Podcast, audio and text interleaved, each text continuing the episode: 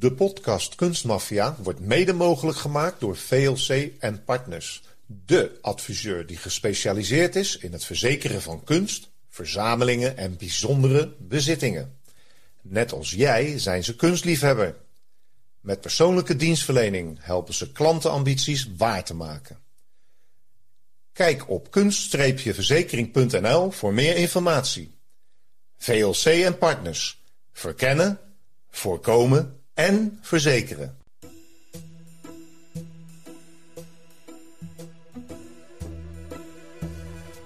Op 25 augustus 1939 sluit het Rijksmuseum Amsterdam haar deuren. Eén dag na de aankondiging van de mobilisatie. De dreiging van oorlog in Nederland is zo ernstig dat de inspectie kunstbescherming verregaande voorzorgsmaatregelen treft.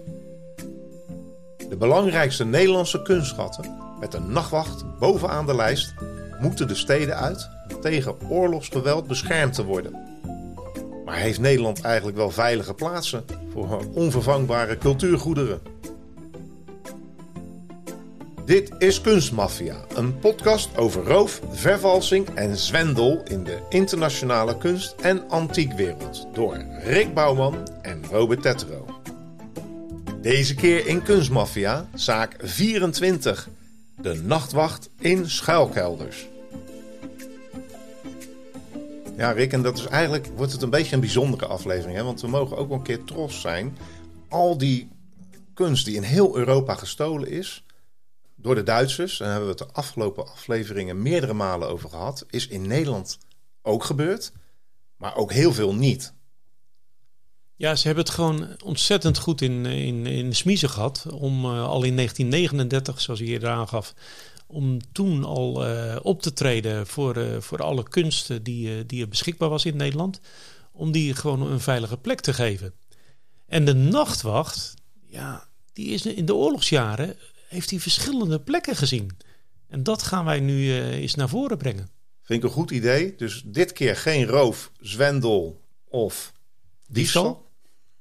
Dit keer gaat het om hoe wij onze kunst beschermd hebben in de oorlogsjaren. Het is zelfs in 1939 dat er al iets naar voren kwam. Want de oorlogsdreiging loopt dus in 1939 zodanig op dat de inspectie van kunstbescherming begint met het verplaatsen van kunst naar de museumkelders. De kelder van het Mauritshuis bijvoorbeeld, in Den Haag, wordt zelfs verstevigd met een 1 meter dikke muur en bijna 2 meter hoog plafond van gewapend beton. Dan hadden ze daar waarschijnlijk wel de ruimte voor. Ja, want de meeste musea konden niet verder komen dan het rondom beschermen met wat uh, zandzakken. En ze hebben niet voldoende plaats voor alle kunst om die op te bergen. En dan besluit de kunstinspectie dat de belangrijkste kunstwerken uit de Rijkscollecties in bunkers moeten worden ondergebracht. Maar dat is makkelijker gezegd dan gedaan. Nederland is vlak en bestaande bunkers en forten zijn per definitie een oorlogsdoelwit. De lege duinen zijn dat niet. Hey, Rick, in die tijd lagen er nog niet veel mensen op het strand. Hè? En de autoriteiten besluiten dat dit een uitstekende locatie is voor het bouwen van ondergrondse kunstbunkers. Dus al in eind 39 begint de bouw van bunkers bij Heemskerk en Zandvoort diep in het duinzand. Ja, Robert, en dan heb jij het over Heemskerk en Zandvoort. Maar ook eh, de gemeente Amsterdam zit niet stil op dat moment. Zij hebben namelijk een kleine bunker laten bouwen in het duingebied van Castricum. En uh, ja, deze ondergrondse kluis werd bestemd voor de kunstwerken van het Stedelijk Museum. En enkele rijke verzamelaars Waaronder natuurlijk de familie van Gogh. Ja, van het Van Gogh Museum natuurlijk. Precies. Maar de bouw zal nog maanden duren en dus moeten collecties voorlopig worden opgeslagen in alternatieve schuilplaatsen. Nou, oh. zeg het maar. Ja, ben ik ook benieuwd naar. Maar uh, we hebben dat uitgezocht. De nachtwacht, ja, je weet natuurlijk, gigantisch schilderij. Hoe krijg je dat uit het uh, oude Rijksmuseum? Nou, op 4 september 1939 wordt dat via een speciale gleuf in de vloer naar beneden getakeld. En dan komt het uit in die tunnel onder het Rijksmuseum. Dat ken je denk ik wel. Absoluut. Dat enorme schilderij, 4 bij volgens mij 3,5 meter, met een lijst eromheen nog een stukje groter, um, wordt het op een glaswagen geladen. Dat is, uh, nou ja, je weet wel eens, door de stad heen rijden met die grote ruiten. Zo'n schuin tegen het, uh, ja, tegen het vlak aan. Ja, dan zit het bijna op de grond. Ja, dat klopt. Dat, dat is een stuk lager. En dan kunnen ze onder de bruggen door. En, en viaducten die je toch wel veel tegenkomt in Nederland. En, maar goed, waar gaan ze naartoe? Een bewaakt escorte brengt de nationale trots naar kasteel Radboud in Medemblik. En daar past het, maar ze moeten wel een stuk van de bogenraam uithakken. Dan kan het er net onderdoor.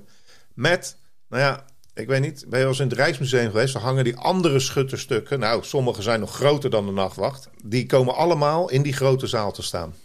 Maar goed, uh, duizenden schilderijen en 30.000 andere objecten van grote artistieke en historische waarde gaan dus op transport naar het noorden toe.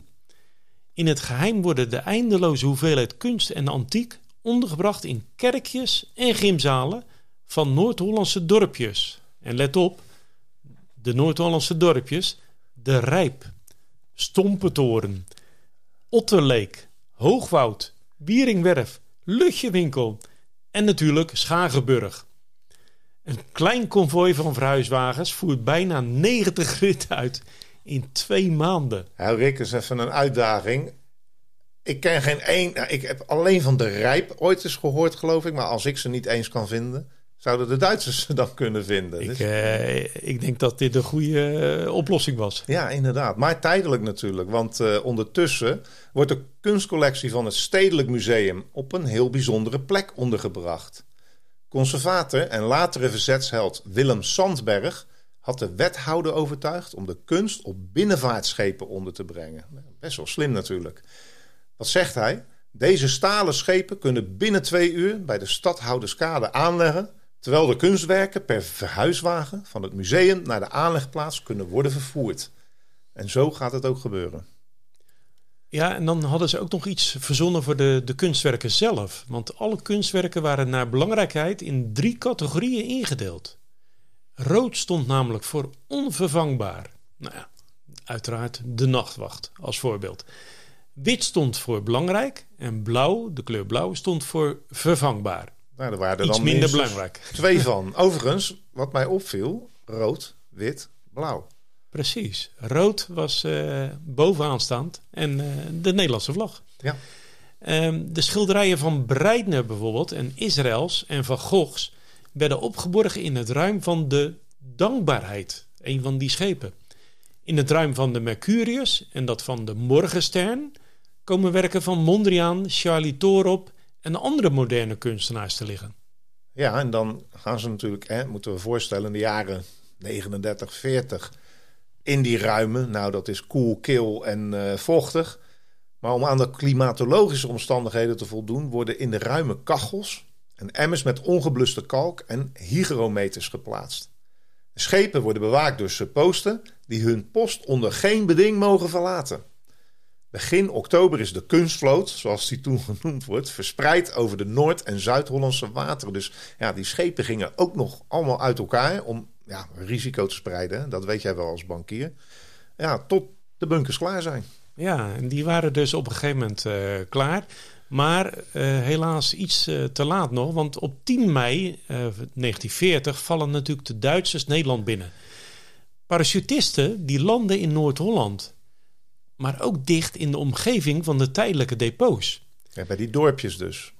Precies. En in de haven van Medemblik, op nog geen 100 meter van het kasteel met de nachtwacht, ligt een Nederlandse mijnenveger die een vijandelijke bommenwerper neerschiet. En ja, dan kom je natuurlijk wel heel dicht bij het gevaar te zitten. En het vliegtuig stort neer voor de haven van Enkhuizen.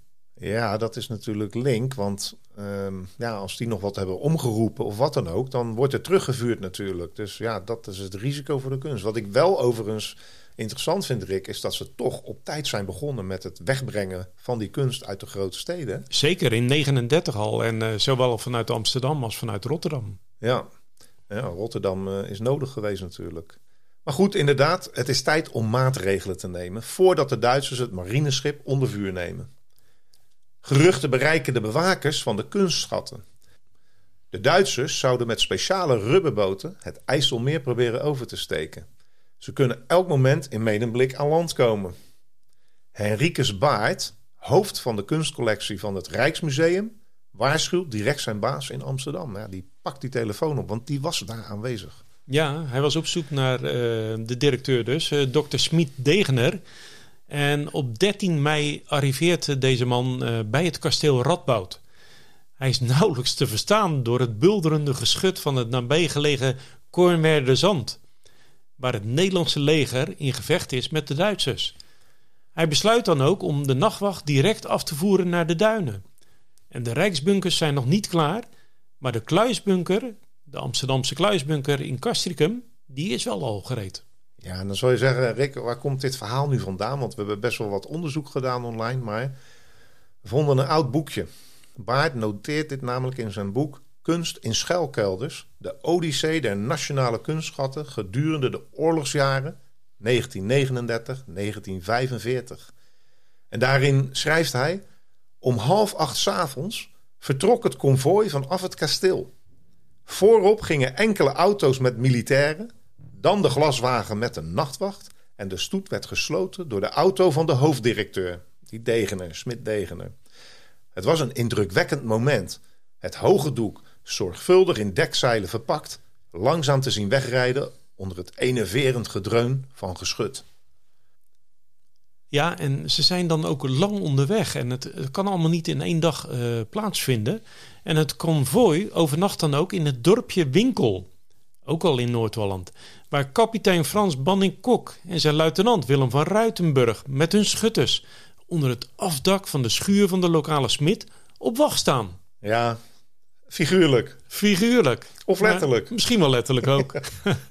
Bij het krieken van de dag werd de tocht voortgezet naar Castricum, naar die kluis. Onderweg dreigde het konvooi nog te worden aangevallen trouwens door een vliegtuig. Een Duits vliegtuig natuurlijk. Het meeste werk blijft eenzaam op de weg achter als iedereen een veilig heenkomen zoekt in de berm. Ja, en dan zeg je, het is een lange weg. Het is 50 kilometer. Maar goed, in die tijd hadden we nog geen rijkswegen. Dat is allemaal van die kleine weggetjes tussen de dorpen door. Maar goed, ook als ze bij de bunker komen, komen ze weer met hetzelfde probleem. De afmeting van de nachtwacht ja, is gewoon te groot. Het past niet door de deur van de kunstbunker. Dus wat moeten ze doen? Ter plaatse besluiten ze het doek uh, ja, neer te leggen op een stukje vlak grond. En dan halen ze het van het houten spanraam af. En dan ja, kunnen ze natuurlijk wel er doorheen. Uh, maar ze rollen het dan op, zeg maar, op een hele lange cilinder. Ze hadden dit wel verwacht natuurlijk. Als ze het loodzware doek naar binnen dragen, wordt het centrum van Rotterdam gebombardeerd. De belangrijkste schilderijen uit het Boymans, nog niet van Beuningen, en de privécollectie van Van Beuningen, die later in het Boymans kwamen, bevinden zich dan al veilig onder het gepantserde duinzand. Ja, waar we het eerder al over gehad hebben, dat uh, zowel Amsterdam als Rotterdam uh, tijdig gereageerd hebben op het uh, onderbrengen van, van alle kunst. Maar pas eind 1940 komen die eerste officiële kunstbunkers gereed. Op 21 maart 1941 wordt de nachtwacht dan ook verplaatst van de kleine Amsterdamse kluis in Castricum naar een van die rijksbunkers in Heemskerk. Na een lange tocht door de duinen in Zandvoort trouwens worden de Egyptische mummies uit het Museum van Oudheden uit Leiden de schuilkelder ingedragen. Een moment dat het museumpersoneel zich later herinnert alsof ze een koningsgraf in de woestijn betraden. Ja, dat moet toch een heel, ja, wat zeg, hoe zeg je dat? Heel uh, bizar. Bizar moment geweest zijn, hè? Daar met al die, die kunst door de duinen heen te shocken. Nu lijkt de hele klus, waar honderden medewerkers voor nodig waren, onderschat dat niet, eindelijk geklaard. Alle rood en wit gemerkte kunst ligt veilig aan de kust. Maar ja, dat blijkt toch een misvatting. Want in de loop van de Tweede Wereldoorlog veranderen de veilige Nederlandse duinen in een nieuw oorlogsfront. De Duitsers moeten Fort Europa verdedigen tegen de gevreesde invasie vanuit Engeland. Nou, daar gaan we hoor. Het is ook gebeurd later, maar de Duitsers wisten niet waar. Dus Hitler geeft het bevel om de Atlantikwal te bouwen, dwars door de Nederlandse duinen. Dus in alle uil moeten er nieuwe onderkomens voor de kunstcollectie worden gezocht. Ja, en dat gaat men dan ook direct oppakken, want met grote spoed worden nieuwe geacclimatiseerde kunstbunker gebouwd in de Mergelgrotten onder de Sint-Pietersberg. Logische plek. Dat is op zich natuurlijk uh, veel logischer dan een, even een bunkertje bouwen. Maar de nachtwacht wordt op de eerste vrachtwagen geladen die op haar beurt weer op een wagon van een trein wordt geplaatst. Op 17 april 1942 vertrekt een opmerkelijk konvooi door bezet Nederland. Ja, en we hebben die foto's even zitten kijken in dat, dat boekje. Bizar, hè? Ja, dat dat is zie je tien van die wagons achter elkaar en, en zie je die wagens erop staan. Vijf, zes trucks erop, inderdaad. Ja. Maar die kunstkaravaan bestaat dus uit tien verhuiswagens die op een speciale trein dus neergezet zijn, maar met onderstellen van persoonauto's. En waarom deden ze dat? Om te zorgen voor een betere vering tijdens de treinreis. Ja, ik heb het één keer gezien in een James Bond film. Dat zijn uh, banden worden lek geschoten en dan uh, vliegen eraf. Weet je waar ik heen wil? En dan eindigt hij op een strijspoor. En, ja, ja. En uh, nou ja... Ik weet niet hier, of het echt past. Maar hier gebeurde het dus. Ja, het paste wel. nou ja, geflankeerd door twee rijen mannen aan beide zijden dus... wordt de zware rol van de nachtwacht door een 300 meter lange catacombe gedragen. We zijn nu in de Mergelgrotten. De flauwe verlichting is spookachtig en roept een merkwaardig schouwspel op. Hier lijkt het langzame voortschrijden van zwijgende dragers iets van een vorstelijke begrafenis te zijn, waarbij een Rembrandt wordt bijgezet in de nationale grafkelder. Ja, goed. En voor de rest van de oorlog ligt dus deze nachtwacht opgerold in de mergelgrotten van de Sint-Pietersberg. Elke dag echter Robert, wordt er een uh, beetje gedraaid om verklevingen tegen te gaan. Ja, dat, dat verf dus, niet. Dus men draait aan die cilinder, zeg maar, elke dag weer. Om, zo, ja, zodat die verf niet uh, blijft plakken, zeg maar. Want ja. dat zou natuurlijk enorm zonde zijn als die dan uitgerold wordt ja, en uh, de helft van de verf is weg. Ja, precies. maar de nachtwacht, die ligt daar niet alleen, hè? Die ligt in goed gezelschap, want 750 schilderijen zijn er opgeslagen, waaronder 43 Rembrandts, 24 werken van Jan Steen en uiteraard is ook Frans Hals vertegenwoordigd met wel 14 schilderijen. Ongeveer de hele eregalerij van het Rijks. Absoluut. En de kunstwerken werden dan ook 24 uur per dag bewaakt door politieagenten en supposten. Maar ik zei net, die mergelgrot is zo'n goed idee, maar toch was de ruimte lang niet voldoende. Dat was eigenlijk vrij klein, dat wat ze konden gebruiken. Dus al die kunst kon niet vanuit de duinen naar de mergelgrot toe. En dan in een bos nabij het Drentse Paaslo wordt weer een nieuwe bunker gebouwd. In het voorjaar van 42 begint de bouw van wat al snel door de lokale bevolking het Paaslo Pantheon wordt genoemd. Niet vreemd, want de bovengrondse schuilkelder was gemaakt van gewapend beton met muren van 4,5 meter diep en een dak wat op zijn hoogste punt 9 meter dik was. 4,5 meter diep Ja. en 9 meter dik op het hoogste punt. Ja, en dan kon je gewoon Ja, daar, eh, kon je een bom opgooien. daar kon je bijna een bom opgooien dan. En het was bovengronds ook. Hè? Ja, heel bijzonder. Een lokale boer grapt zelfs dat hij denkt dat het wellicht om de toekomstige gevangenis van Hitler moet gaan. ja, ook Ja. Hier van die Nou. bouw staan hele mooie foto's. En dan zie je ook, nou ja, wat zijn het? Kilometers staaldraad. Wat daar zeg maar. Ja, ik heb het gezien Ja. en het is echt heel bijzonder ook. Ja, inderdaad.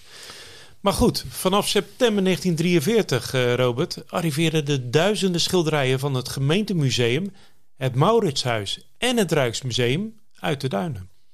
Henricus Baart, daar heb je hem weer, die de bouw overziet en hier gestationeerd blijft, brengt meer dan 3000 kunstwerken naar de Paaslo-bunker. En hoogstpersoonlijk brengt hij Ja. het straatje van Vermeer als eerste gast naar binnen. Nou, dat zal een mooi moment zijn geweest voor hem. Nou, hebben we het al een tijdje gehad, zeg maar, over ja, een konvooi naar de duinen toe. En dan wordt alles op treinen gezet enzovoort. Ja, mochten de Duitsers dat zomaar weten allemaal? Nou ja, niemand heeft het ze verteld natuurlijk, maar ze wisten het wel. En eigenlijk legden ze niemand een haarbreed in de weg. Het is ook een misvatting dat de Duitsers niet wisten dat de kunst in bunkers werd geplaatst. Ze wisten het wel en lieten de Nederlanders dus gewoon hun gang gaan. Ze wisten dat na de Duitse bommen en de bezetting de geallieerden een nieuwe dreiging voor de kunst waren. Nou ja, dat weten we. hè. Dus natuurlijk volop gebombardeerd door de geallieerden ook. Dus het was ook wel logisch. Dus ja, laat maar liggen. De kunst lag prima in die bunkers. Na de oorlog zouden ze gewoon de mooiste Nederlandse topstukken aanwijzen. hier nachtwacht, daar Vermeer, om vervolgens naar het toekomstige vuurmuseum in Liens te sturen. Daar hebben we hem weer, hè? maar komt bijna elke aflevering terug. Maar ja, ze dachten wij gaan die oorlog winnen en uh, we nemen gewoon uh, de mooiste schilderijen uit elk land nemen we mee. Inderdaad. Maar dan, Robert, is er in 1944 toch wel iets bijzonders aan de hand in de, in de buurt van Paaslo. Want daar is een bezoek van Anton Muset, oftewel die NSB'er, die leider van de NSB. Onze Baart beschrijft hem als een zielige vertoning. Hij zegt dan ook: De kleine man paradeerde langs onze oude meesters, waarbij hij van tijd tot tijd een boos gezichtje trok, om imposant te lijken. Het begeleidende gezelschap bewierookte hem het hele bezoek. En Baart geeft aan dat ook het hoofd van de Weermacht in Nederland, Friedrich Christiansen, en hoofd van de SS, Rauter, de collectie bezochten. En Baart geeft dan ook aan dat in het voorjaar van 1944 de ontwijding van het Paaslo-pantheon plaatsvindt. Zo zag hij dat. Ja, inderdaad. En, en kijk, ehm, we hadden dus eerst gezegd van wisten de Duitsers ervan. Nou ja, nu blijkt wel, ze kwamen gewoon op bezoek. Ze liepen gewoon naar binnen toe. En ja, de spannendste ontmoeting die Baart heeft in het Paaslo-pantheon, om het zo maar te noemen, is door een SD-officier. En die komt aan met zijn, uh, nou ja, wat zal het zijn, patrouille, een team. En die blokkeert alle toegangswegen tot de bunker met mitrailleurs. En laat alles afzetten. Hij wil toegang om te zien of zich daarbinnen, in die enorme bunker, geen verzetstrijders verschuilen. Baart heeft echter een schriftelijke verklaring van de Duitse autoriteiten die betreten des Schutzkellers slechts toestaat aan geautoriseerde Duitse officieren. Nou ja, daar sta je dan in je eentje in dat bosrijke omgeving tegenover een SD-officier. Ja, maar toch was die baard blijkbaar niet, uh, niet uh, zo bang voor uh, iets. Nee, die had wel voor hetere vuren gestaan, weet ik niet. Maar het kost hem veel overredingskracht om deze ongure bezoeker buiten te houden. En voordat de afgeblufte SD'er vertrekt, vraagt hij dan ook nog of er misschien een flesje neven in die kluis ligt. Baart komt goed weg, want op zijn bureau stond een illegale radio, waarmee hij naar Radio Oranje luisterde. Iets wat toen de tijd streng verboden was. Ja, daar was hij zwaar voor gestraft geweest als men erachter was gekomen. Maar goed, dan is toch die oorlog op een gegeven moment ten einde, mei 45. En een maand na de bevrijdingsfeesten is het eindelijk tijd om alle kunst terug te brengen naar de musea. De nachtwacht vaart terug naar Amsterdam per schip. Maar door blokkerende wrakken moet het schip, genaamd van God gegeven, omvaren via België. Maar de schippersfamilie Kluitenaar uit Dordrecht ontvangt maar liefst 5 gulden en 37 cent als vrachtprijs voor deze duurste kunstwerk van Nederland. ik weet niet, Rick, was dat dan misschien wel heel een hoop geld in die tijd? Maar... Nou, zelfs 5 gulden 37 was toen voor een eh, vrachtje van de nachtwacht was toch wel uh, uiterst bescheiden betaald. Maar goed, het schilderij wordt begeleid door een aantal soldaten. Ze varen alleen overdag en s'nachts liggen ze afgemeerd. Twee bewakers van het transport slapen aan weerszijden van de nachtwacht om ervoor te zorgen dat op deze allerlaatste etappe niets meer misgaat. En het gaat ook allemaal goed gelukkig. De nachtwacht wordt van de cilinder afgerold en het blijkt dat het nauwelijks enige schade heeft opgelopen. Maar ja, dit gebeurt natuurlijk in het Rijksmuseum zelf. Op 15 juli 1945 opent het Rijksmuseum weer haar deuren met een grootse expositie. De titel is Terugkeer van de oude meesters. Het vertelt het verhaal van de gevaarlijke reis van de kunstwerken die na vijf jaar oorlog weer veilig aan hun vertrouwde muren hangen. Maar dit gebeurde dus allemaal in het Rijksmuseum. Maar we hebben natuurlijk ook nog de gemeentekluis in Castricum. Nou, die is inmiddels omgetoverd tot een gemeentemonument. En Zandberg, die hebben we ook eerder genoemd, pleit in 1952 bij de wethouder om de kluis weer voor kunstopslag geschikt te maken in verband met de beveiliging tegen atoombommen. Ja, de Koude Oorlog ging beginnen. Ja. En de bunker in Paaslo heeft na jaren van verwaarlozing sinds de jaren 90 zijn oorspronkelijke functie weer terug. Het is een kunstopslag voor het Fries Museum en het Drents Museum. En het is nu nog te zien daar. Ik denk niet dat je naar binnen mag. Maar wat er ook nog is, dat is uh, Maastricht Underground. Als je dat erachter zet, dan kom je daar vanzelf terecht. En dan kun je een kaartje kopen voor de Mergelgrot en zien waar de belangrijkste kunstschatten jarenlang opgeborgen lagen. En op een van die muren hebben ze een enorme houtskooltekening gemaakt van de nachtwacht. Dus nou ja, als een soort van zwart-wit herinnering van hier lag, hier lag hij ooit. Maar het echte werk kun je gelukkig weer zien in de Nederlandse musea zonder een helm op te zetten, Rick. Luister jij graag naar Kunstmafia en wil je Rick en Robert ondersteunen? Ga dan, als je wat kan missen, naar fooiepot.com slash kunstmafia. En geef daar een digitale fooi. Dus fooiepot.com slash kunstmafia.